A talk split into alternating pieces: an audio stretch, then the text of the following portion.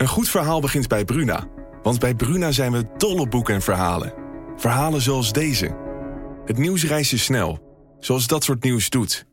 Ik wist dat het ook over jou ging, zodra het eerste bericht uit Parijs kwam. Bijna zes jaar geleden nu. Op een vrijdag de dertiende. Een datum als een slechte grap. Jij was er ook, Flo. En op jouw profiel bleef het stil. Wil jij weten hoe dit afloopt? Je leest het in Luister van Sascha Bronwasser. Nu bij Bruna.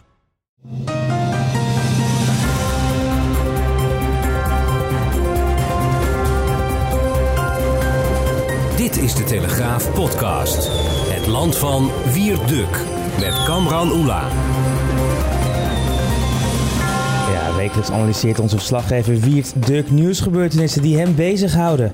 Mijn naam is Kamran Oela, nieuwschef bij De Telegraaf en presentator van aflevering nummer 12 op donderdag 20 december. Je hoort al wat vuurwerk, het is namelijk de laatste van dit kalenderjaar. We blikken terug op eh, 2018 en daarom hebben we ook een eh, gast uitgenodigd, financieel geograaf Ewald Engelen, eh, die onder andere het boek schreef Het is klasse survie, niet identiteit. Toch Ewald, welkom. Ja, dankjewel. Ja. Ehm, en eh, we gaan zo eh, uitgebreid het eh, jaar doornemen, Wiert. We, laten we misschien even beginnen met gewoon de nieuwsgebeurtenis van het jaar voor jou.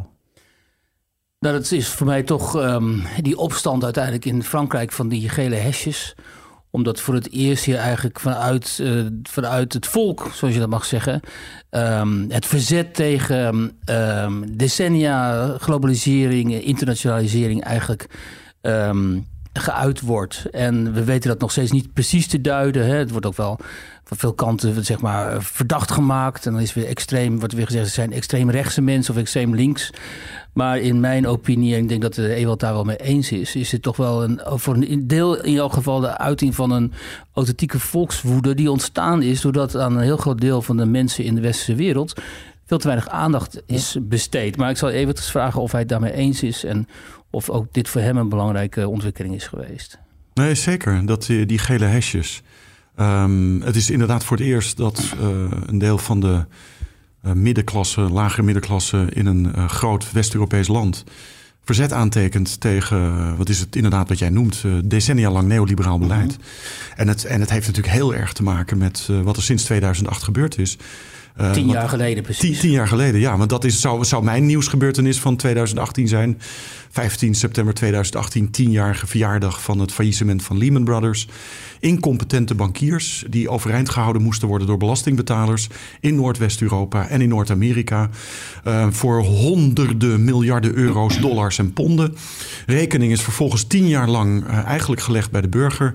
en, en dat zie je dus ook in Frankrijk naar voren komen. Want het is een kosten van het levensonderhoudcrisis. Want uiteindelijk krijgen die bankiers gewoon weer, bij, zoals bij ING, bonus. ja, het zijn weer de bonussen van voor ja. 2008. Ja. En, en, en, en, en, en wat je dus in Nederland, maar ook in Frankrijk gezien hebt... is dat we erg ingezet hebben op loonmatiging. Dus de lonen zijn niet gestegen. Terwijl de lasten voor burgers enorm zijn toegenomen, ook in Nederland. En eh, er sterk bezuinigd is op eh, publieke voorzieningen. Ja. En, en dat, ik bedoel, zeker in... eh, het is natuurlijk niet alleen maar... het is de lagere middenklasse in Frankrijk die in verzet is gekomen. Maar het is ook de lagere middenklasse op het platteland die in verzet is gekomen. Want die hebben daar hetzelfde gezien als in Nederland. Het verdwijnen van de buurtschool, het verdwijnen van het buurtziekenhuis. Allemaal onder het mom van centralisatie. Eh, en tegelijkertijd een politieke kaste die zichzelf eh, redelijk tot goed betaalde. Die leiding mocht gaan geven aan die eh, grote conglomeraten van ziekenhuizen, scholen. En dat heeft ontzettend veel woede gezet. Fijne hoge salarissen. Met fijne hoge ja. salarissen, goudgerande arbeidsvoorwaarden. En de druppel die de emmer deed overlopen in het geval van Frankrijk... was natuurlijk die accijnsverhoging Ja. van diesel en, en benzine. Dus we zijn uiteindelijk in een soort marx- marxistisch scenario terechtgekomen, kennelijk. Waarin hè, de rijken, de kapitalisten aan, aan de top niet meer zien hoe het volk leidt. En Nee, dat is ook zo. Ja, het is, het is Marie-Antoinette all over the place. Macron is eigenlijk een moderne... Moderne ja, ja, Ja. zeker. Als ze geen brood kunnen kopen, laat ze dan in vredesnaam cake eten. Ja, ja. En je hoort het Rutte bij wijze van spreken zo zeggen. Wij zijn allemaal tot op zekere hoogte gele hesjes. Ja. Die, dat, da- da- dus er zit een enorme kloof tussen elite elite en, en, en, en volk. Ja. En ehm, dat heeft dus, eh, ja, dat krijgt dit soort manifestaties. Ik vind het zelf inderdaad het politieke, de politieke gebeurtenis van 2018. En ik vind het uiteindelijk ook erg hoopgevend, als ik heel eerlijk ben. Daar gaan we het over hebben. Ja, heerlijk Cameron. man. We, zijn, we duiken meteen al de, de, de inhoud in. eh, dat, zo gaan we het Wij ook, kunnen niet eh, anders, zo gaat hè? het ook, eh, gaat het ook doen. Ehm maar, toch we Ewald, je bent eh, te gast in de podcast in het land van Wierduk, eh, zoals Ja. we hem eh, noemen. Nou, het is sowieso bijzonder om in het land van Wier te zijn, denk ik. Ik, ik vraag me af of ik het juiste paspoort heb, maar dat gaan we vandaag wel bij. Ja, zeker. Ja.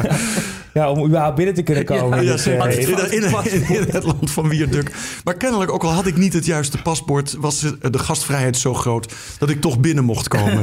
Misschien heeft Wiert dat ook ten aanzien van vluchtelingen en migranten. Maar goed, daar gaan we het misschien ook we nog gaan het over zo hebben. eh, over hebben. We gaan zo een Zeker, beetje afpellen. zeker. Beginnen op de wereld en dan gaan we naar, een beetje naar Europa. Wat aan de hand is. Ook die gele hesjes komen dan weer. We eindigen richting, eh, richting Nederland. Maar, maar, maar toch even om eh, uiteindelijk ook de Telegraaf. En, altijd een goede pakkende kop op de voorpagina. Ehm eh, Wiert eh, en, en Ewald ook. Als we een, beetje een soort etiket gaan plakken op 2018 in de geschiedenisboeken. Wat zou dat dan zijn? Wat mij betreft het jaar van de revolte. Ja, jaar van de opstand, zeker. Revolte Ja. en opstand. Nou, en, dat, en Trump is daarvan natuurlijk internationaal de vertegenwoordiger. Kijk, revolte en opstand eh, en Trump, we gaan het over hebben. Abonneer je trouwens eh, op deze en andere podcast van de Telegraaf via Apple Podcast of Soundcloud. En suggesties, vragen, ideeën zijn altijd welkom via Twitter of mail ons gewoon via podcast.telegraaf.nl. and we're very proud of what took place today. Uh, I think our whole relationship with North Korea and the Korean Peninsula is uh, it's going to be a very much different uh, situation than it has in the past. We both want to do something. We both are going to do something, and we have developed a a very special bond. So uh, people are going to be very impressed. People are going to be very happy. And we're going to take care of a very big and very dangerous problem for the world. 2018 het jaar waarin een historische ontmoeting was tussen de Amerikaanse president Donald Trump en de Noord-Koreaanse leider Kim Jong-un. Het jaar waarin ook eh, Poetin onder vuur kwam te liggen. Hè, nadat uh, voormalig spion Skripal zijn dochter in Engeland werden vergiftigd. Eh, Midden-Oosten bleef het uiteraard onrustig. Jemen, burgeroorlog, Syrië. gewoon veel slachtoffers begin van het jaar. Assad toch gewoon in het zadel.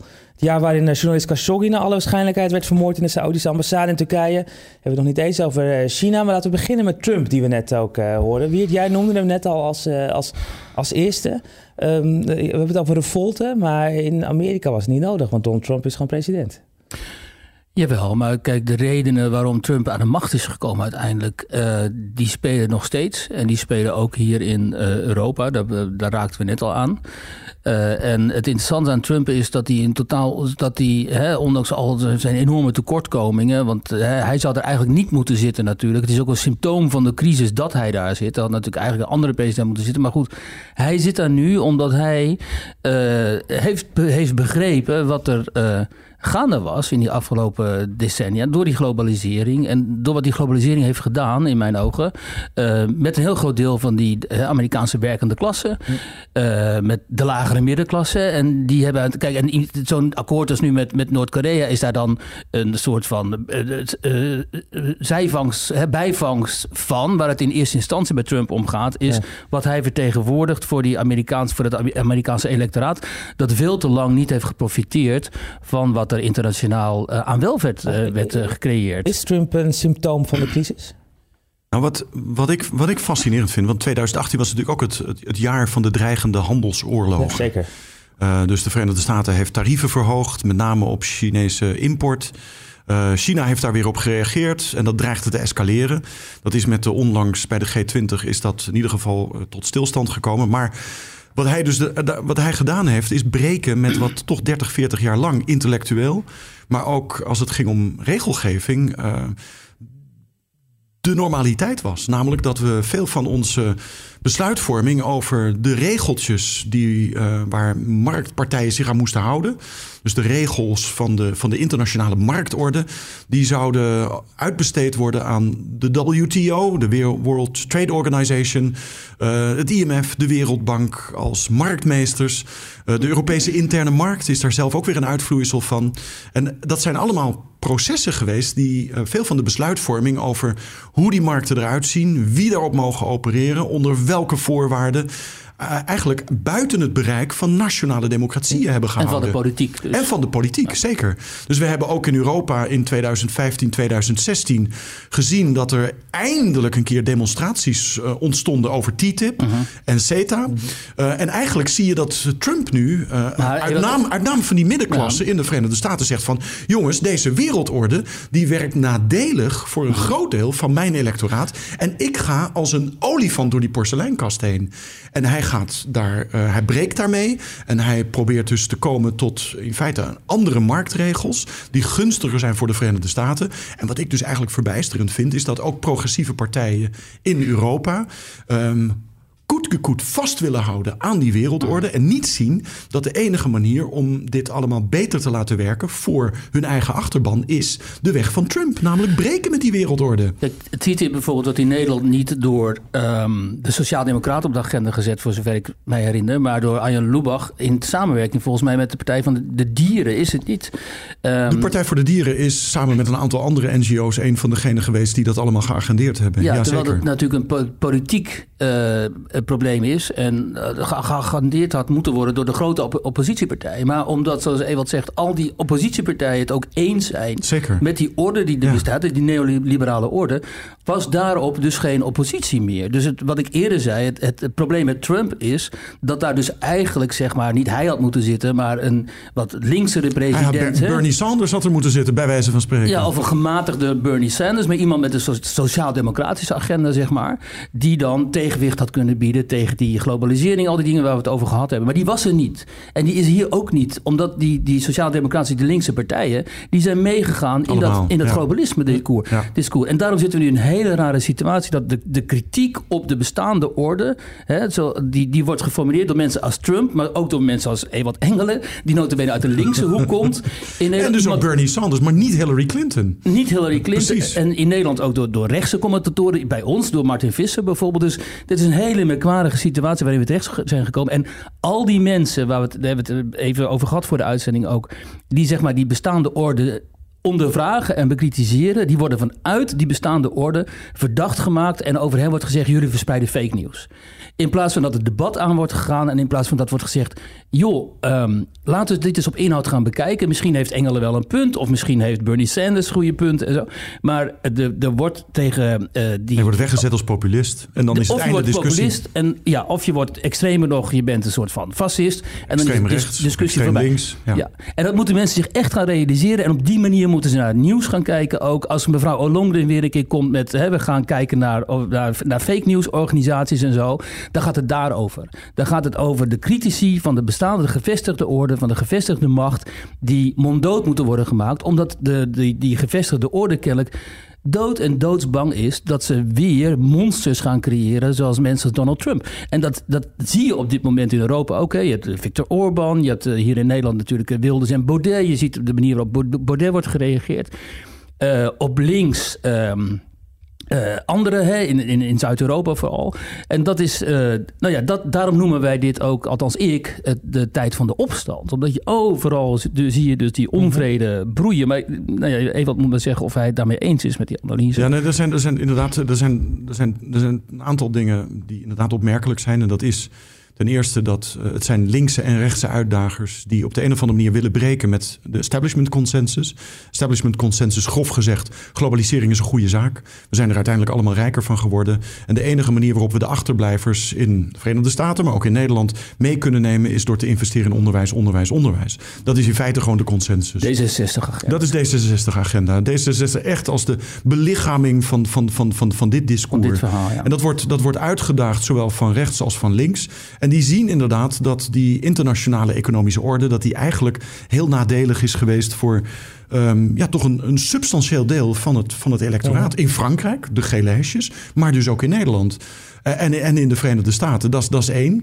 En, en het tweede wat er dan gebeurt is dat die establishment consensus... die probeert die uitdagers uit te schakelen... door er een label op te plakken. Uh -huh. Extreem rechts of extreem links. Uh -huh. En dan mag je dus al niet meer meepraten. Of populist, dan mag je ook niet meer meepraten. Of xenofoob, dan mag je ook niet meer meepraten. -huh. Dan ben je gedisqualificeerd. En men doet het door uh, de tegenpartij te verwijten dat men vals nieuws verspreidt, terwijl men zelf ontzettend veel vals nieuws verspreidt, wat niet op die manier benoemd wordt. Juist. En ik noem maar, uh, de euro, de introductie van de euro is een goede zaak geweest voor Nederland. Dat is flauwekul. Uh, er is economisch herstel. We zijn de crisis te boven. Dat zijn zomaar drie punten waarop je met data duidelijk kunt maken dat dat absolute flauwekul is.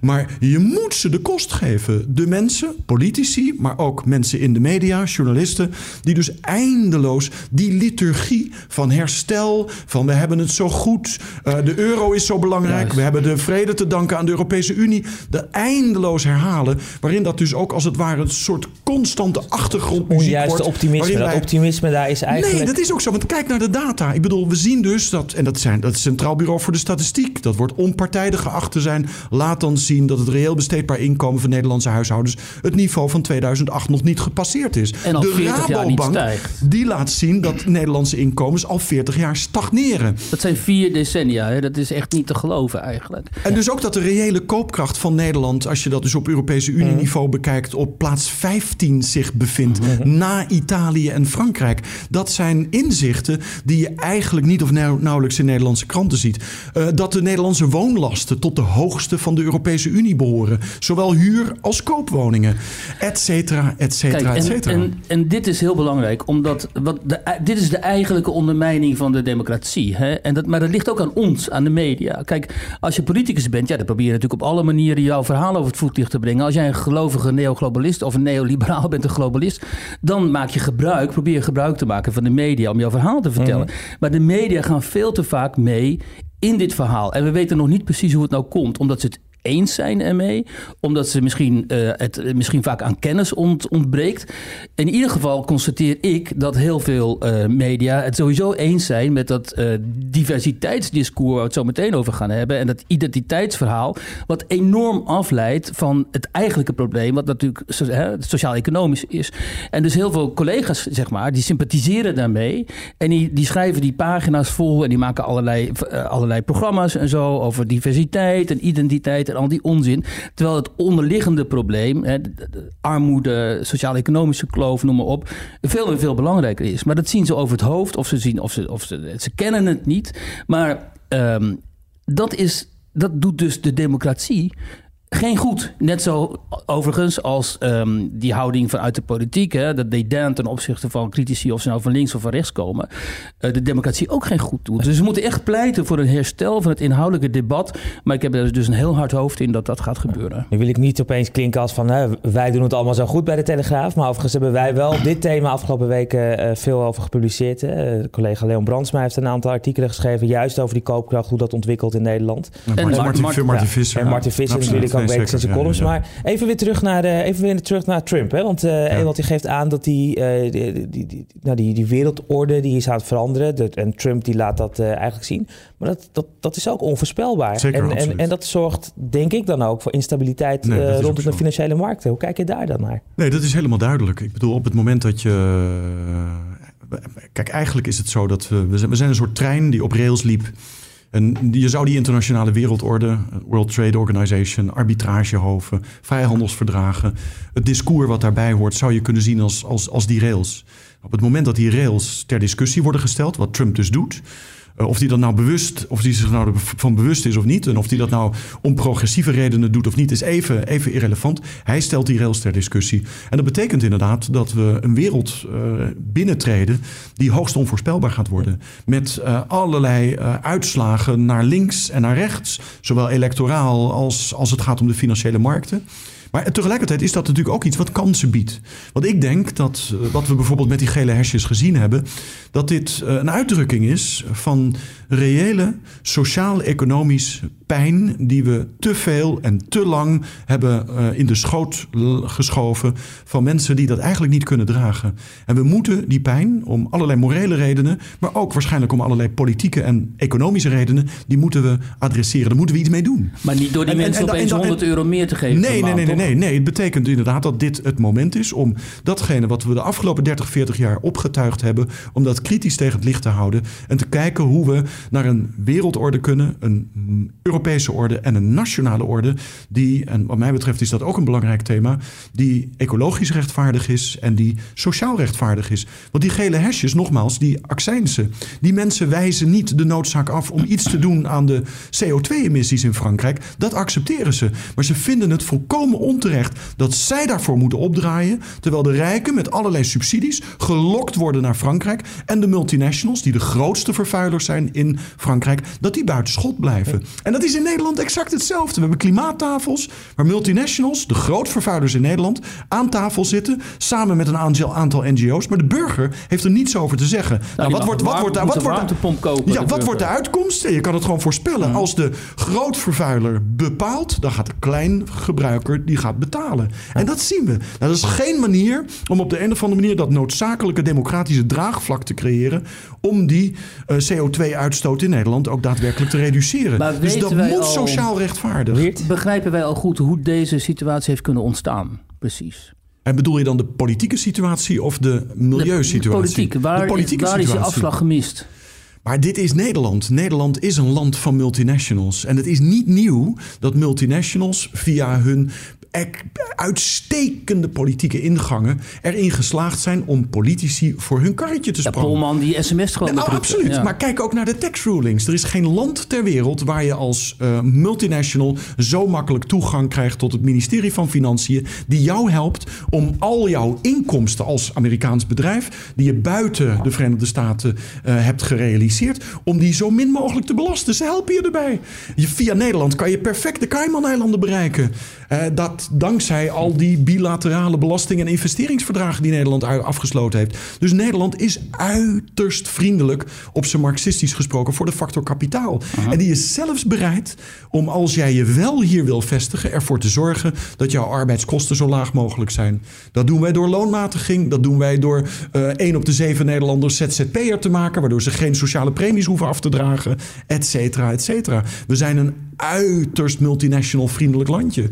En dat betekent dus ook, de, en dat is al even een lange geschiedenis. En die geschiedenis die herhaalt zich keer op keer, waarbij je dus inderdaad ziet dat de leidinggevende politici van de middenpartijen in feite gewoon in de zak zitten van het Maar grootkapitaal. als, als dan blijkt dat dit... eh, hè, je kunt daarvan vinden wat je wil. Je kunt ook zeggen, nou ja, dat, dat is prima, dat systeem. Dan blijft eh, Nederland concurrerend en zo. Ja, maar dat is dus flauwekul. Dat is ook het- fake news. Hè? Rutte die dan zegt dat is goed voor de werkgelegenheid. Ja, ja. Dat is je reinste flauwekul. De vijf grootste multinationals in Nederland genoteerd aan de Amsterdamse effectenbeurs. Ja, die hebben nauwelijks arbeidsplaatsen. Nee, die hebben nauwelijks Ja, arbeidsplaatsen hier. En Dus het heeft niks met werkgelegenheid te maken. en we trappen daar met open ogen keer op keer weer in. Maar toch even die vraag, als dit zo is, hè, dan zou je dus van... En, en je ziet dus dat de, de, de burgers die dit begrijpen of intuïtief aanvoelen... overgaan naar de populistische partijen, naar Wilders. Of ik, had, ik had dus gehoopt dat we in Nederland eenzelfde soort gele hesjesbeweging over die afschaffing van die dividendbelasting hadden gekregen. Ja, maar dat zit er dus niet in. Nee, en dat roept de vraag op waarom Nederland dat revolutionair elan zo slecht ontwikkeld is. Nou, daar, gaan we het, daar gaan we het zo eh, over, over, hebben. Dus dit houden we heel veel vast. Dat is ook Ja. goed, hè, ook voor die spanning. Maar eh, nog heel even voordat we echt, echt dieper ingaan op eh, Europa en Nederland.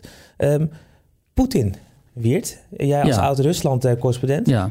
Die naam hebben we dit jaar bijna niet eh, voorbij zien komen. Nou, jij heeft de oorlog in Syrië gewonnen, dus dat is nogal, d- dat is nogal een, eh, een succes van je welste. Ehm, ja, Poetin is een heel verhaal apart. Omdat over Poetin, en dat is een van mijn grote ergernissen, over Poetin en Rusland wordt dus ook enorm veel fake news gecreëerd. Omdat het Westen nu eenmaal wil, hè, onder aanvoering van dan de NAVO en deel van State Department, die willen per se van Rusland de belangrijkste vijand maken. Want dat is makkelijk, dat was in de Koude Oorlog ook zo, ook, ook al zo. Rusland is een groot, eh, mysterieus land waar je heel veel van je eigen angsten in kunt eh, projecteren.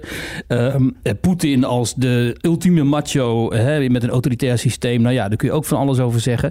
Ehm, en dat is dus helemaal fout. Want ten eerste wil Rusland helemaal geen conflict met ons, met het Westen. Rusland wil vooral met, met rust gelaten worden en gerespecteerd worden als een regionale grootmacht. Wat het ook is, alleen al op grond van die enorme landmassa en zo. Dus daar moet je op een basis van respect mee omgaan. Ehm, en bovendien eh, zijn er veel grotere eh, problemen, namelijk eh, de opkomst van China. Dat is natuurlijk een veel groter, veel groter gevaar. En ook de radicale islam. Ehm, maar over, en, en dat zou beschreven moeten worden. Dus beschreven zou moeten worden, wie is nou die Poetin? Wat, waarom is hij zo hè, in Rusland toch voor een heel groot deel bij zijn mensen geliefd? Hoe komt dat? Dat komt door die enorme puinhoop die Rusland voor die tijd was, voordat Poetin aan de macht kwam. Dat komt ook doordat Rusland, of doordat Poetin een eind heeft gemaakt aan de opstand van de radicale islam in de Caucasus. Dat met erg harde hand en heel vreed op zijn Russisch, zoals dat gaat in Rusland. Tsjetsjenië. Maar, heeft er dus wel een, een einde aan gemaakt. En vervolgens is die Tsjetsjense strijders die zijn uitgeweken naar Syrië, is ze daar gewoon achter, achter gaan, gaan opjagen, zeg maar. Dus um, uh, dat zou allemaal beschreven, geanalyseerd moeten worden. En ook zou, uh, de, zou erkend moeten worden dat we daar nogal iets aan kunnen hebben ook. Maar goed, dat gebeurt allemaal helemaal niet. Um, dus zitten we in een situatie waarin inderdaad een nieuwe uh, internationale uh, financiële crisis misschien wel dreigt. Waarin we uh, van Poetin en Rusland onze vijand hebben gemaakt, wat niet had gehoeven. Waarin heel veel instabiliteit is in het Midden-Oosten. Ook vanwege die oorlog die de Saudis daar voeren, daar in Jemen en zo, die wij steunen.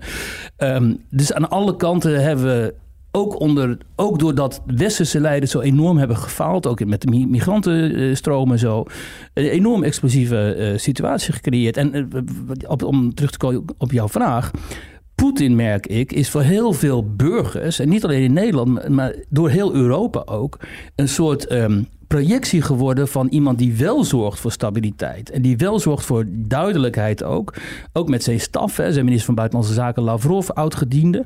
En mensen kijken naar hem en die denken van joh, hij is wel een leider. En dat is heel slecht, want Poetin is natuurlijk een heel autoritair figuur. En hè, die, die, die heeft ja. verder niet zoveel met democratie en zo. Maar dat krijg je als je eigen leiders uh, uh, jonker zijn. Of, of hè, dat soort mensen die dus heel zwak zijn. Dus Ja.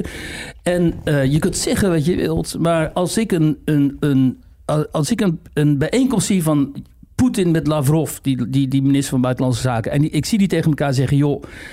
Of hen wordt iets gevraagd over de Verenigde Staten. En ze zeggen: joh, uh, wij kunnen op dit moment helemaal niet met de Verenigde Staten praten. Want we hebben geen idee wat zich daar allemaal afspeelt. En we hebben geen idee. Hè, we, we, kunnen gewoon geen zaken meer met hen doen. Want het is allemaal te onvoorspelbaar geworden.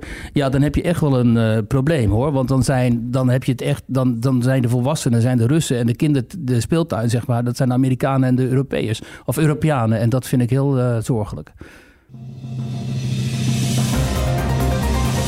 The British people want us to get on with it, and they want us to focus on the other vital issues that matter to them too. We must and we shall deliver on the referendum vote and seize the opportunities that lie ahead. But the Conservatives must not be a single issue party. We are a party of the whole nation, delivering the Brexit people voted for, building a country that works for everyone. I have devoted myself unsparingly to these tasks ever since I became Prime Minister, and I stand ready to finish the job.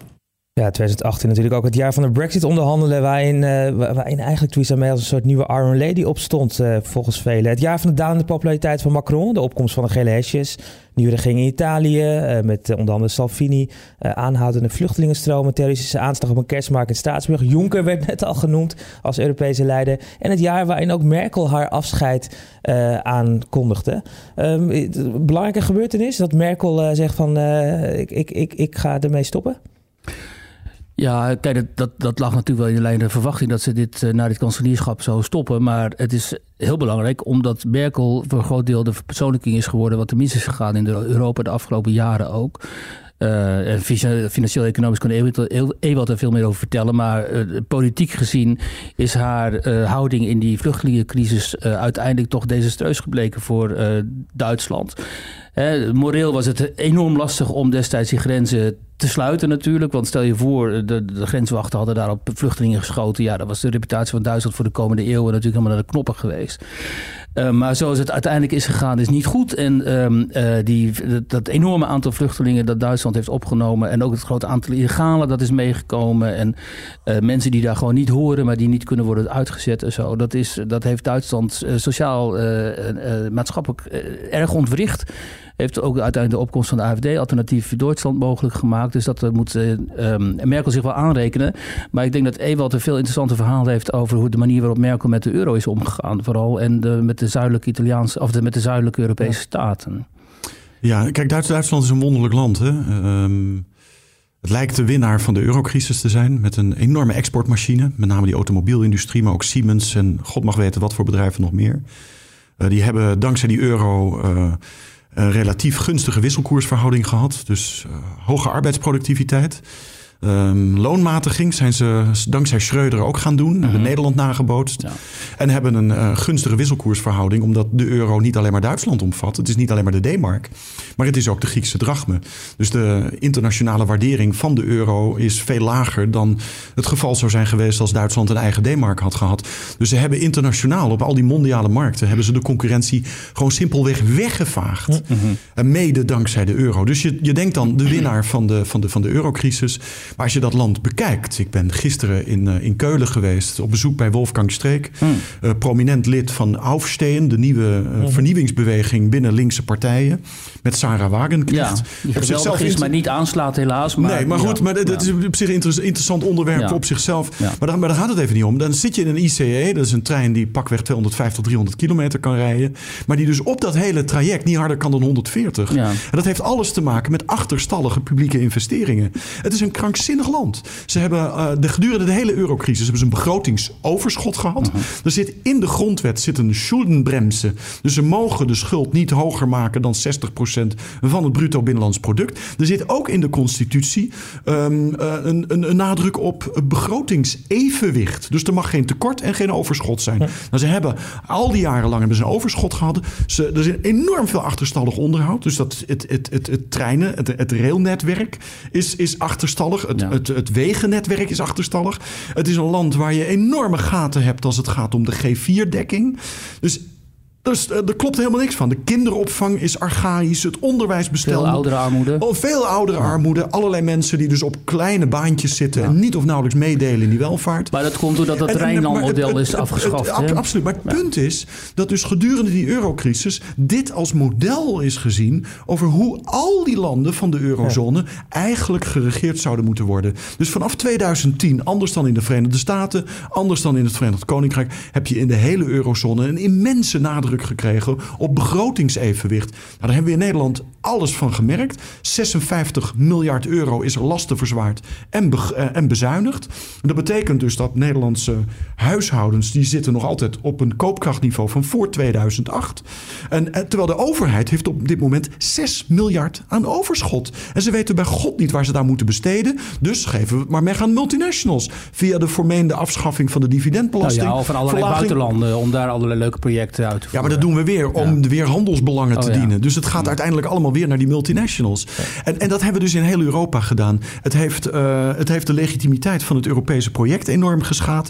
Het heeft de legitimiteit van Europese politici enorm geschaad. Het heeft de legitimiteit van onze democratieën geschaad. En het heeft met name de legitimiteit van de sociaal-democratische partijen geschaad. Want eh, het verhaal van de eurocrisis is het volkomen wegvegen, wegvagen van sociaal-democratische partijen. van, eh, van de Ah, absoluut. En dat zijn honderden jaar, honderd jaar Ja. oude partijen die eh, eh, weggevaagd zijn electoraal. Ja, dit is wel belangrijk om je te realiseren. Ik was correspondent in Duitsland toen Gerhard Schreuder daar de, Mhm. de bondskanselier was. En, en Hartz Duitsland, 1 tot en met 4. Precies. En Duitsland, Voorganger van, van Merkel. Hè? Ja, de voorganger van Merkel, sociaaldemocraat. En eh, destijds werd gezegd, ja, die Duitse economie, dat, dat functioneert helemaal niet meer. Duitsland is gewoon de, de, ehm, eh, het probleem in Europa geworden. Dus moet Ja, van de zieke man van de zieke Europa. man van Europa was Duitsland. En toen heeft uh, Schreuder, heeft, eh, wat hij eigenlijk gedaan heeft, uh, wat je zou verwachten van een rechtse politicus, maar dat gaat altijd zo.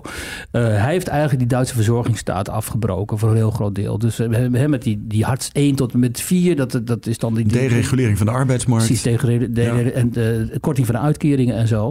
En dat is heel erg doorgeschoten. Dus dat, dat, dat Rijnland-model, wat eigenlijk heel succesvol was in Duitsland, dat is een veel neoliberaler model geworden. Maar niet met eh, de, de vangnetten die je in Nederland nog wel hebt. Hè. In Nederland heb je een hele andere pensioenopbouw en zo. Duitsers hebben dat niet. Waardoor die, die, die ouderdomsarmoede bijvoorbeeld is ontstaan. Maar ook al die, die baantjes van niks, die, die, die, die, die hè, 400 euro jobs waar je dan twee van moet hebben. Dan verdien je 800 euro belastingvrij weliswaar. Maar dan heb je nog maar 800 euro.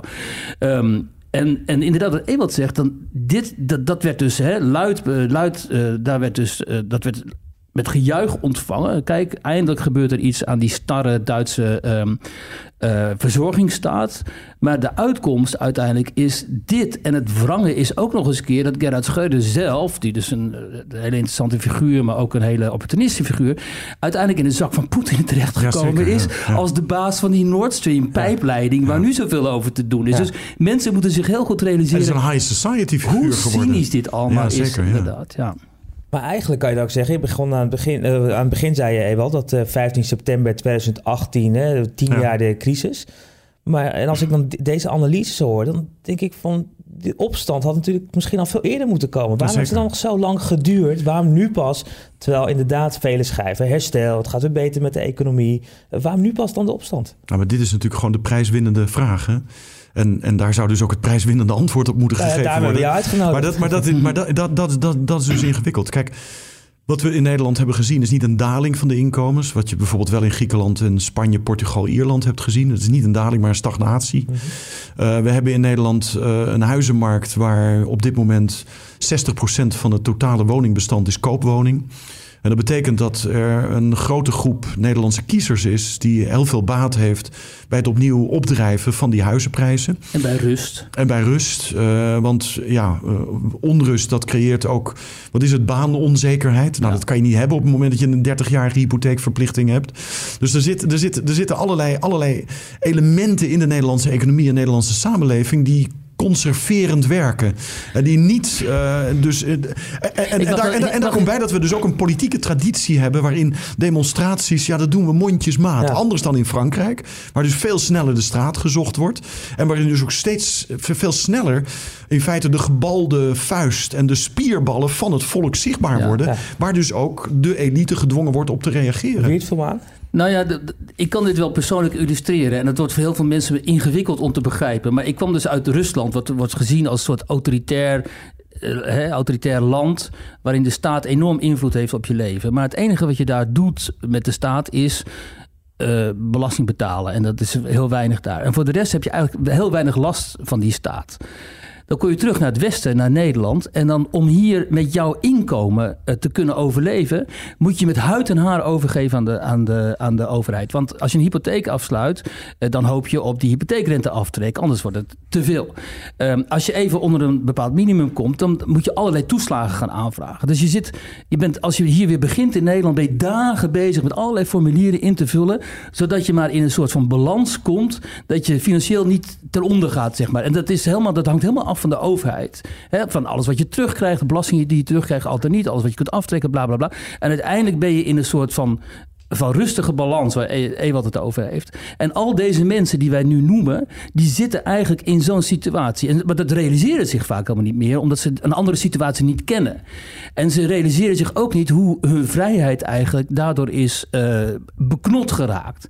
En als ik zeg, ja, maar ik voelde mij in, in Rusland wat dat betreft veel vrijer, dan zeggen mensen, ja, maar jij bent gek, want dat is een dictatuur of weet ik veel wat en zo. Maar persoonlijk kun je daar dus op die manier veel losser staan van de overheid dan hier in het, in het uh, in het Westen. En dat is een hele merkwaardige uh, manier waarop in mijn ogen dan die overheid greep krijgt op zijn burgers, waardoor ze ook niet zo makkelijk in opstand zullen komen. Omdat als, nou ja, kijk, er moet ook geen opstand komen, dat is allemaal onzin, maar waardoor ze minder makkelijk zullen protesteren, omdat ze weten wat ze te verliezen hebben. En dat is maar het enorm zit, het zit ook al in het woord, hè? Ik bedoel. Uh, het gaat niet over de Scrabble-waarde, maar wel over de gevoelswaarde van het woord. Overheid versus staat. De overheid heeft iets paternalistisch. Alsof er een soort um, vader is die uh, het beste met je voor heeft. Uh-huh. En die je af en toe een duwtje en een steuntje en af en toe misschien een tik geeft. Uh-huh. Op het moment dat de vader denkt dat jij als burgerkind niet doet wat de vader denkt dat in jouw lange termijn belang is. Terwijl de staat, dit is, dit is Max Weber, Duitse socioloog, dat is een, dat is een stalen kooi. En dat heeft een hele andere gevoelswaarde. En er zijn niet veel landen en niet veel talen waarin je dus dat woord overheid, in het Duits heb je het wel, obrigkeit. Ja. Maar er zijn niet veel landen waarin je dus een, zo'n soort vriendelijker woord hebt, wat eigenlijk equivalent is aan de staat, wat uitdrukt wat voor ja, wat hele ingewikkelde relatie die wij hebben met dat bureaucratisch apparaat dat wij overheid noemen. En ik, ik, ik, denk, dat dat, ik denk dat dat één is. En twee, ik denk dat dat ook een van de redenen is waarom jullie mij uitgenodigd hebben. En waarom je dus ook begon over boekklasse versus identiteit. Als je kijkt naar de Nederlandse politieke discussies, dan vinden die dus heel erg plaats over allerlei onderwerpen die ik zie als behorend tot uh, domein van de identiteiten. Mhm. En, en, waar we het eigenlijk veel te weinig over hebben, dat is mijn claim in dat boek. Waar we het veel te weinig over hebben, dat is de sociaal-economische basis. Mhm. Die, wat mij betreft, de onvrede voedt. Maar die onvrede die wordt dan, die komt tot uitdrukking in conflicten over identiteitsgerelateerde kwesties. Zwarte Piet bijvoorbeeld. Terwijl feitelijk, eh, als je kijkt naar wat er gebeurt in Nederland, met name aan de randen van Nederland, dan, dan zijn de klachten die zijn over: ik zie mijn inkomen niet stijgen. Ik zie een elite zichzelf goed belonen. Ik zie steeds dezelfde mm, gezichten en namen opduiken op allerlei nieuwe posten in de publieke sector. En ik zie tegelijkertijd dat de buurtschool bij mij verdwenen is, die is gesloten. Ik zie dat de buurtziekenhuis weg is. Ik zie dat de ouderenzorg afgebroken wordt. Ik zie dat de bakker verdwijnt en de slager verdwijnt en de groenteman verdwijnt. Um, en, en ik zie dat mijn lasten omhoog gaan. En dan kom je daar bovenop ook nog een keer met dat ik een warmtepomp moet gaan aanschaffen. En dat ik in januari meer BTW moet gaan betalen voor mijn eerste levensbehoeften. Daar komt eigenlijk de onvrede vandaan. Maar we weten niet goed hoe we dat moeten kanaliseren. En moet gaan denken. En dat je meer begrip moet opbrengen voor al die nieuwkomers. En, en, dat je het verwijt krijgt dat je racistisch bent. Juist. En, en dat allemaal bij elkaar. Maar dus eigenlijk de kern van, het, van de onvrede dat is, dat is sociaal-economisch. Maar we hebben dus een, we hebben een soort, uh, wat is het, een echokamer, een echoput gecreëerd. Waarin die onvrede eigenlijk alleen maar gestalte krijgt via die identiteitskwesties. En, en, hoe dat komt, dat is een ingewikkeld verhaal. Daar heb ik wel, heb ik wel theorietjes over. Maar dat, dat, dan, ben ik, dan ben ik wel heel lang aan het woord. Ja, maar heeft dat dan ook te maken met, om misschien een van die theorietjes uh, uh, aan te stippen? Ja. Jij schrijft er vaak over, je vertelt ook vaak over hier in deze podcast. De, de kloof met die politieke elite, want dat is de staat maar die wordt weer bemand door een bepaalde elite. En, en politiek correct moet je dan bemenst zeggen. sorry, die wordt bemenst. Nou ja, kijk, waar ik het dus met uh, Ewald niet eens ben. Kijk, wat, wat Ewald eigenlijk wil, uh, is um, dat mensen zich bewust worden van de sociaal-economische uh, verhoudingen. Uh, en dat zich ook bewust worden van dat, zij, dat een, een, deel van die onvrede wordt uh, gebruikt, zeg maar, om een deel uit, van, die, van die boze burgers op te zetten tegen nieuwkomers, tegen moslims, eigenlijk daar komt het op niet, tegen allochtonen. en hen ook onvoldoende bewust te maken van de ecologische ramp, zoals Ewald zal zeggen, die boven ons hoofd hangt.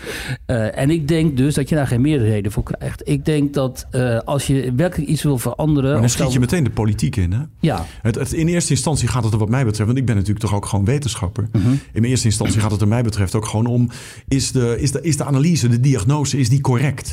En, en dan vervolgens doemt dan de vraag op van nou, als die correct is. Uh, hoe creëer je dan politieke meerderheden? En hoe komt het dat jouw analyse dan vervolgens is van ja, maar die ga je dus niet krijgen? Ja, maar kijk, als jij, kijk, als ik zeg van maar in bijvoorbeeld de de de de. Maar volgens mij ben je, jij bent het deels met me eens. Ja, ik ben het deels dat met je eens. Die sociaal-economische die, die onvrede heeft sociaal-economische wortels. Ja, en als je die niet kanaliseert en als je die buiten, buiten parlementair maakt bijna, dan loopt de democratie gevaar. Dus dat is mijn eerste, eerste angst. Hè? Dat je dat dus de onvrede naar de flanken gaat, extreem rechts of extreem links en niet naar het midden waar die zou moeten horen. Dus dat deze mensen zich niet, niet, niet door, door, de traditionele volkspartijen, ja, precies. Ja. Dat is natuurlijk voor de westerse democratie is dat, dat, dat ramp. Want dat zie zoals, je nu in zoals gele hesjes in Frankrijk. Juist, dat is, precies. Dat is iets wat in het parlement zou moeten gebeuren. Dat gebeurt, nu buitenparlementair en dat is zorgelijk. Um, maar wat ik wel denk, kijk, als je naar de statistieken kijkt en je kijkt naar de uitkeringen bijvoorbeeld en je ziet het overmatig uh, he, gebruik, de, de, de, de beslag dat uh, alle uh, mensen uit allochtone groepen daarop leggen. Hè? Somaliërs, Eritreërs, noem maar op. Die gewoon ook na jaren hier nog steeds niet aan de bak komen en geen werk vinden. Maar dat zijn niet de meerderheden in de bijstand. Ik bedoel, de, de, de, een, deel, een deel van wat er in de bijstand is... heeft ook gewoon simpelweg te maken met discriminatie op de arbeidsmarkt. Komt niet aan de bak. En dat zijn, ja, maar dat, dat zijn dan, ingewikkelde dingen. Dat zijn ingewikkelde zaken. Alleen wat de burgers... Wat de burgers wat je zou kunnen beargumenteren is dat burgers de afgelopen decennia, terwijl zij dus zelf in koopkrachten niet op vooruit gingen, hebben gezien dat er grote groepen nieuwkomers uh, naar ons land kwamen. Ook die in hun cultuur en in hun religieuze opvattingen vaak heel slecht aansluiten bij onze maar, samenleving. Maar, maar, ja, wacht even, wacht even. Uh, en dat ze, hè, dat ze ook zien dat die, de, de, de jongste generaties daarvan zelfs, hè, Turken, Marokkanen vaak, radicaliseren voor een deel. Hè, voor een deel helemaal niet, maar voor een deel ook wel. En dat ze zich daar zorgen maar over maken, bovenop hun sociaal-economische uh, problemen nog. Dan lijkt het mij heel makkelijk te bepleiten, ook om die burgers weer bij de politiek te betrekken. Als je zegt van joh, uh, we sluiten niet even die, die grenzen zoveel mogelijk, voor zover dat mogelijk is. Internationale verdragen die ons dat onmogelijk maken, die gaan we onderzoeken of we daar onderuit kunnen. En zo'n Marrakesh-pact en zo, dat gaan we dus sowieso niet, uh, daar gaan we sowieso niet in mee. Omdat wij besnappen wat jullie onvrede is. Maar jij staat daar heel anders in. Nou, kijk, wat, wat, wat, ik, wat, ik, wat ik zie gebeuren is dus inderdaad dat die interne markt in Europa, die dus vrij, uh, vrije beweging van arbeid mogelijk maakte, dat die voor een deel heeft geleid inderdaad tot het verlagen, van, bovenop, hè? verlagen ja. van de inkomens, met name aan de onderkant van de arbeidsmarkt. Dus dat, dat is één. En daar zouden we opnieuw naar moeten kijken. Maar dat geldt dus wat mij betreft nog veel meer voor de vrije beweging van kapitaal. Uh, omdat dat veel verdergaande effecten heeft gehad voor de bestedingsmogelijkheden van de gemiddelde Nederlander. Dus, dus dat, dat, dat is één. Ten tweede hebben we natuurlijk te maken met vluchtelingenstromen, waarbij, waarbij wij ons internationaal verplicht hebben om daar een deel van op te nemen. We hebben in Nederland de afgelopen jaren absoluut niet de aantallen opgenomen die ze in Duitsland wel opgenomen hebben.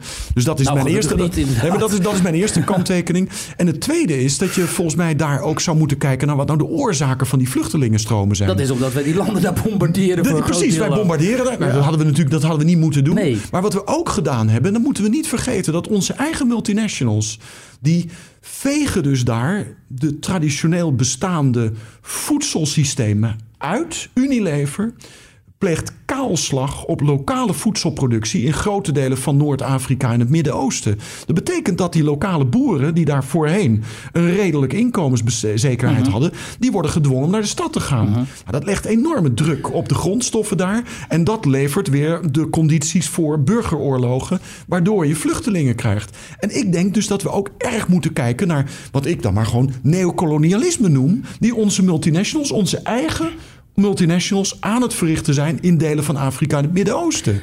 Maar En, uiteindelijk... en, en, en dan tot slot heb je te maken met arbeidsmigratie. En, en, en ik vind het eigenlijk wonderbaarlijk dat we vooral kijken naar de negatieve effecten van arbeidsmigratie aan de onderkant.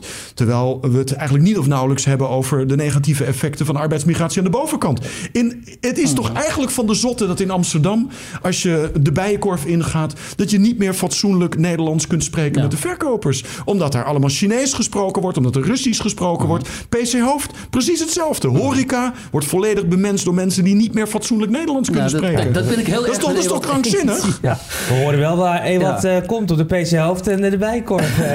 Nee, nee, nou, dat ja, goed, als, je dat- als je dat- toevallig doet, dan Nee. kom je dit Ja. soort dingen tegen. Maar je kunt niet, kijk, want dat ben ik, ik ben je met, je bent het niet eens, hè, de ontwrichtende invloed van die multinationals daar in Afrika, noem maar op. En dat zijn ook allemaal keuzes die, die je maakt. Alleen je kunt het niet verkopen dat als daardoor vluchtelingenstromen op gang brengen, dat onze mensen, om dat maar zo te noemen, aan de onderkant, daar de dupe van worden. En die worden daar Nee, maar de vraag is natuurlijk, waarom komt men hierheen? En dat heeft natuurlijk alles te Voor onze maken... welvaart. Ja, natuurlijk. Ja. En onze welvaart, en dat is, dat is gewoon mijn hele, echt een hele belangrijke punt. Onze welvaart is in hele belangrijke mate afkomstig uit extraction. Wij romen eh, grondstoffen, wij romen goedkope arbeid elders af. Ja, maar dat- en, en dat betekent dus dat wij een systeem hebben gekregen. Diezelfde mondiale wereldorde, dat is een systeem die hoogste En wat critici zullen ongelijkheid zeggen, allemaal ongelijkheid onzin, want dit reproduceert. systeem, eh, mensen, critici van jou zullen zeggen, dit systeem heeft er ook voor gezorgd dat er honderden miljoenen mensen Maar uit alleen in armoede China. zijn gehaald. Echt alleen in China.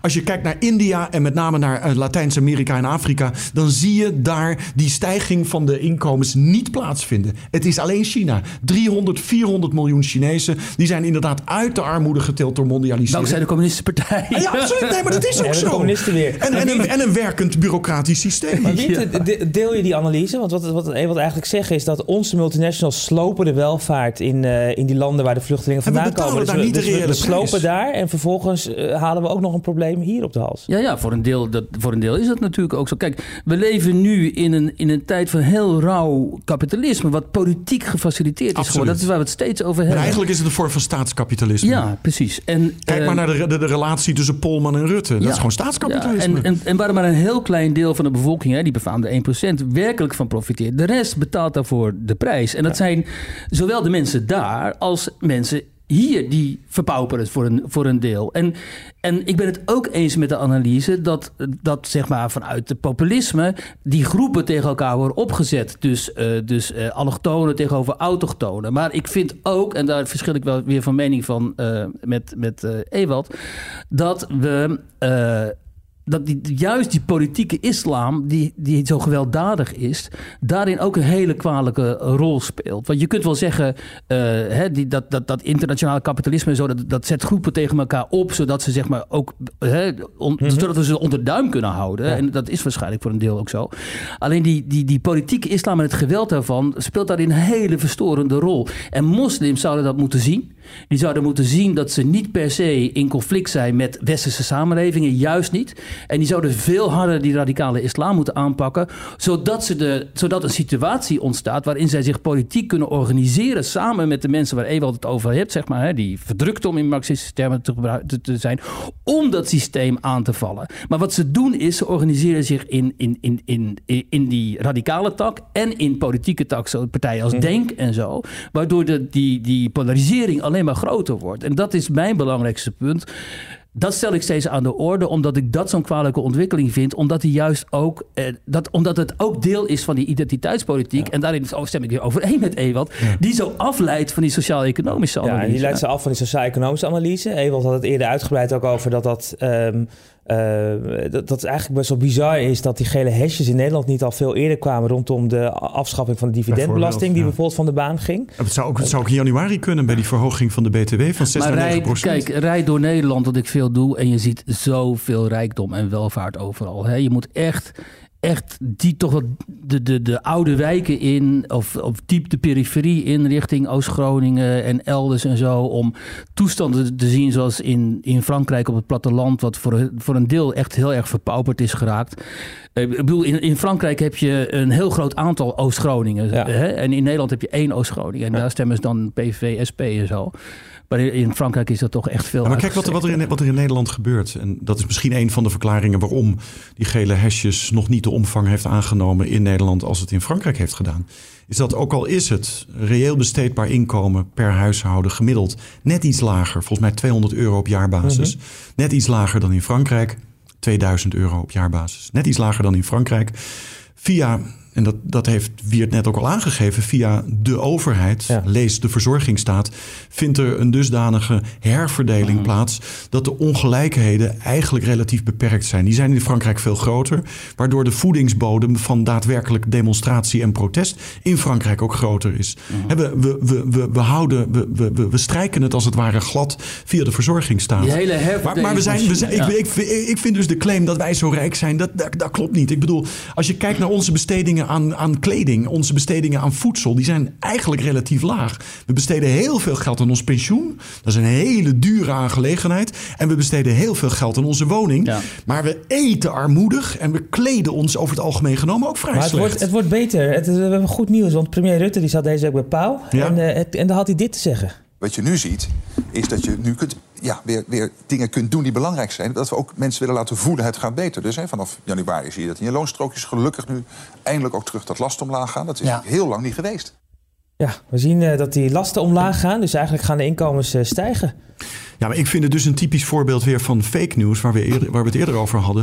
Ik bedoel, er wordt door het eh, kabinet eh, enorm geschermd met de koopkrachtplaatjes die het Centraal Planbureau produceert. En eh, op de een of andere manier dringt het besef bij kabinetsleden maar niet door dat dit een virtuele werkelijkheid is, die niets te maken heeft met de reële werkelijkheid die mensen in hun loonstrookje aan het einde van de maand meemaken. En dat is bij heel veel Nederlanders nog altijd zo dat ehm, de maand iets langer duurt dan de omvang van de eigen portemonnee. En dat merken ze in de laatste paar dagen. En eh, eh, dus heb je tegelijkertijd dat dus het CPB komt dan met dit soort prognoses.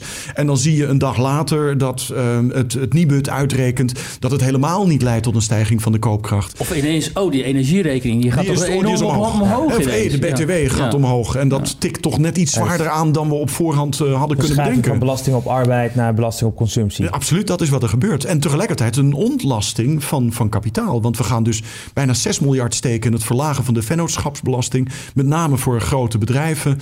Uh, en je, en je, ik bedoel, hoe haal je het in je hoofd? Hè? We hebben dus vanaf 2010 hebben we bezuinigingsronde op bezuinigingsronde gehad. Dat is pakweg 50 miljard geweest. Als je dat allemaal bij elkaar optelt, lastenverzwaringen en bezuinigingen op publieke dienstverlening. Dan heb je eindelijk een keer 6 miljard overschot op je begroting. En wat ga je ermee doen? Je gaat het weggeven aan multinationals die het niet nodig hebben, want hun kasreserves zijn historisch ongekend en waarvan geen enkel effect uitgaat op de Nederlandse welvaart. Want de werkgelegenheid is er niet. Er wordt niets gedaan aan research and development. Het enige waar het aan besteed wordt is de verhoging van de bonussen van de CEO's en het overnemen van andere bedrijven. Waarvan we ook weten dat 70% van die overnames is verspillend en wordt na 10 jaar weer ontvlochten. Waarom? Want we hebben steeds over het falen van links op dit punt. Maar waarom hoor je vanuit de christendemocratie hier ook zo weinig over? Want die hele traditie hè, van sociaal beleid en uh, de, de gemeenschapszin, Absoluut. Het Rijnlands model is voor een deel een christendemocratisch model. Waar is dat gebleven? Ik heb geen idee. Maar heb je überhaupt het idee dat bij de christendemocratie er nog iets bestaat van christelijk besef? Van een christelijke kritiek op het ongebreidelde kapitalisme van vandaag? Ik hoor dat nooit meer. Terwijl ze een roemruchte traditie hebben, zowel de katholieken als de protestanten. Absoluut. Het is totaal weg. Ik vind dat ontzettend jammer, ook voor het publieke debat. Absoluut. En het politieke debat. Ontzettend jammer. Ja. Laten we zo langzamerhand uh, vooruit gaan blikken. Want we hebben heel veel, uh, heel veel teruggeblikt. De vlag kon een beetje uit toen die dividendbelasting niet werd afgeschaft, als ik het, uh, als ik het zo hoor. Ja, maar dat is natuurlijk ook voor een deel. Dat, dat is ook zo, maar, maar tegelijkertijd zie je nou, dus 6 miljard in de verlaging van de vennootschapsbelasting. Kijk, ik heb vandaag een, een, een, interview in de krant met Willeke Slingerland, die is corruptieonderzoekster. En wat zij zegt is: die, die dividendbelasting is een heel goed voorbeeld van. Um, de manier waarop gunsten worden geleverd binnen netwerken. Zij, haar, haar onderzoeksterrein is netwerkcorruptie. Zij zegt wat daar gebeurt is... er wordt een deal gemaakt tussen uh, Rutte en Pol, Poelman... via sms'jes en telefoontjes. Uh, er wordt een gunst verleend, namelijk... joh, wij, uh, wij vestigen ons hoofdkantoor in Nederland... als jullie dividendbelasting afschaffen. Rutte schaft die dividendbelasting af. Poelman zegt, oh nee, sorry, aandeelhouders gaan niet akkoord... gaan we toch niet doen. Rusland, Rutte trekt dat politieke besluit in. Dus we kunnen wel de vlag uithangen, maar we moeten eigenlijk een, een hele zwarte vlag ja, uithangen. Zeker, is een stuitende constatering. Dit is een hele verschrikkelijke dag voor de democratie natuurlijk. Dat op deze manier besluiten tot stand komen. Ja. Daar heb ik het helemaal mee eens. Ik bedoel, het is onthutsend, onthullend. In de zin van, we zien nu in, op bijna naakte wijze hoe hecht de relaties zijn tussen de economische elite en de politieke elite.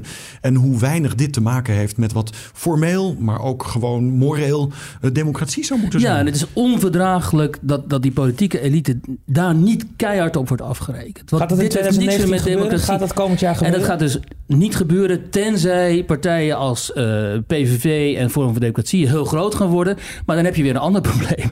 Want dan zijn dus de rechtspopulisten heel groot. En je moet maar uh, afwachten hoe die met, uh, met macht uh, om zullen gaan. Nou, wat, ik, wat, ik, wat, wat, wat, mij, wat mij enorm opvalt is dat, um, en dat geldt voor media... en dat geldt dus ook voor de, de consumenten van media... En dat geldt voor politiek... is dat we een ontzettende moeite hebben om onze aandacht erbij te houden... Uh, het politieke bedrijf is een bedrijf geworden wat heel erg volatiel is, wispelturig.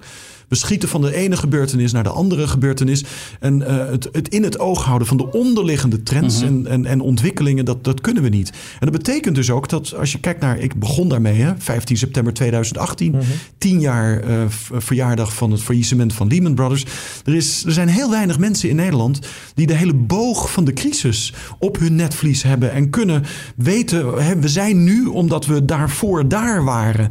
Dus dat, dat lange termijn besef, iets van een historisch besef, gevoel, dat is zo ontzettend slecht ontwikkeld. En dat betekent dat uh, het heel wel mogelijk is dat bij de provinciale statenverkiezingen en de Europese parlementsverkiezingen van volgend jaar we helemaal weer vergeten zijn dat er deze affaire rond de dividendbelastingafschaffing was. Maar zit en, en dat, dat baart mij enorme zorgen. En, en daar hebben media wel een rol te spelen. Dat je dus stukken schrijft waarin je dus laat zien van ja, we hebben nu dit, maar dit heeft alles te maken met wat er toen plaatsvindt. Ja, alinea, een alinea van die geschiedenis. Dingen hebben een geschiedenis. Nou ja, dus waarschijnlijk moeten we eindigen met deze vraag aan Ewald. Van zit er een nieuwe crisis zoals in 2008 aan te komen? En wat gaat dat betekenen dan? Al mocht die er komen? Maar we zijn altijd onderweg naar een volgende crisis, toch? Ja, maar kijk, dit is dus ingewikkeld. Hè? Op het moment dat je constateert dat veel van onze instituties eigenlijk niet meer goed functioneren. De vakbeweging functioneert niet goed. Universiteiten functioneren niet goed meer. De media doen het niet. Het politieke systeem is uh, als het ware failliet gegaan. Uh, corporate governance, het Rijnlands model is geërodeerd. Dan weet je dat we enorm, uh, als het ware, onderworpen zijn aan de golfslag van het moment. Uh -huh. ja, dat betekent dat ieder vergezicht, nu, 2019 ja, dat wordt ingewikkeld. Ik kan een aantal dingen aangeven die, waarvan ik weet dat die niet weg zullen zijn. De schuldgroei is niet weg. En dat betekent dat uh, ontwikkelingen op financiële markten kunnen e enorme politieke effecten hebben. Mm -hmm. Dat kan ik voorspellen. Het populisme is niet weg. De gele hesjes zijn niet weg. Uh, de afkeer van het politieke establishment is niet weg. De toondoofheid van onze politieke elite is niet weg. Rutte gaat eindeloos idiote fouten maken. Juncker gaat idiote fouten maken. Vaasjes, kussen drukken op hoofden van Timmermans. Dat blijft gebeuren. En dat betekent dus dat er constant brandstof zal zijn voor onvrede, voor ongenoegen. Maar waar het aan gaat ontbranden, wanneer het gaat ontbranden en hoe het gaat ontbranden. I got no fucking clue. De geschiedenis leert dat dat iets heel anders kan zijn dan wat je zou vermoeden. Hè? En dan opeens dan barst de bom zomaar. Dat, hè, dat, um, maar er is, er, is, er, is iets, er is iets wat spannend is en, en dat, dat, dat maakt het nog ingewikkelder. En ik weet dat jij er wat anders in staat. Maar wat mij betreft is dat dus een, dat is een nieuwe bron van brandstof. Dat is klimaatverandering. We gaan geconfronteerd worden met onvoorspelbare weersgebeurtenissen. Die groepen mensen op drift kunnen brengen. Die economische belangen gaan schaden. Die enorme verzekeringsposten kunnen opleveren. En die allerlei effecten bij beleggers, bij, uh, bij werknemers, bij werkgevers en bij politiek gaan genereren. Dat komt er allemaal bij. En daar moeten we iets mee doen. En dat gaat dus ook een politieke plicht worden. Dat gaat enorme kosten met zich, op, uh, met zich meebrengen. Wie gaat er voor die kosten?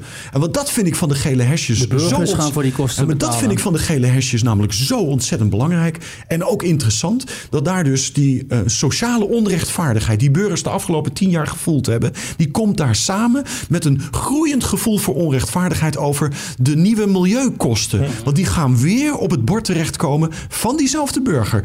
Als je die twee bij elkaar brengt... Ja. Ja, dan heb je een enorme, brisante politieke situatie. Ja, ben ik eens. Als je die klimaatkosten gaat afwentelen op de burgers. En dat gaan we doen. Ja, en dat daarmee, doen we al. Dat doen we al. En daarmee weet je dat we ja, het, het politieke onvrede van morgen ben je nu aan het creëren. Heren, ja. we zouden zo nog tot oud en nieuw door kunnen gaan, uh, gaan praten. Ja. Want het jaar van de revolte, het jaar van de opstand is bijna voorbij. En dan wordt volgend jaar het jaar van de revolutie. Het jaar van de revolutie, want er is nog volop brandstof. En Absoluut. het kan en het zal ergens op een gegeven moment gaan ontbranden. Dat is een beetje de, nou, nou toch niet een heel positief einde, maar spannend. een spannend einde. Dus ja. spanning is altijd uh, fijn. We uh, leven in interessante tijden, zeggen de Chinezen dan. Hè? En dat bedoelen ze dan niet positief. Zo is dat. Okay. nou, we, we, leven in interessante tijden. Ewald uh, Engelen, zeer veel dank voor jouw komst. Graag gedaan. Hier naar het land van Viaduc. Ik hoop ja. dat je het land ook uh, veilig uh, weet ze te heeft in ieder geval lekkere koffie. Kijk, dat, dat scheelt in ieder geval. Ja. En Wiert, dit, dit was de laatste van het jaar. Maar we hebben, we hebben wel ook positief nieuws. Laten we toch gewoon positief uitgaan. Tenminste, wij denken dat het positief is. Mm -hmm. En de luisteraar die het tot nu toe heeft volgehouden, denkt dat vermoedelijk ook. Want we gaan door hè, in 2019. Jazeker, we gaan door. De Telegraaf gaat steeds meer podcasts uh, maken. Dus, um, en we hopen natuurlijk dat steeds meer mensen gaan uh, luisteren ook. Dus um, ja. wij gaan in ieder geval met goede moed uh, elke week door. Ja, we gaan even een paar weken tussenuit. Maar aflevering 13 komt online op donderdag 10 januari. Fijne feestdagen wil ik zeggen, maar dan krijg ik weer gezeik op Twitter. Fijne kerst, een goede jaarwisseling en op naar gezond 2019.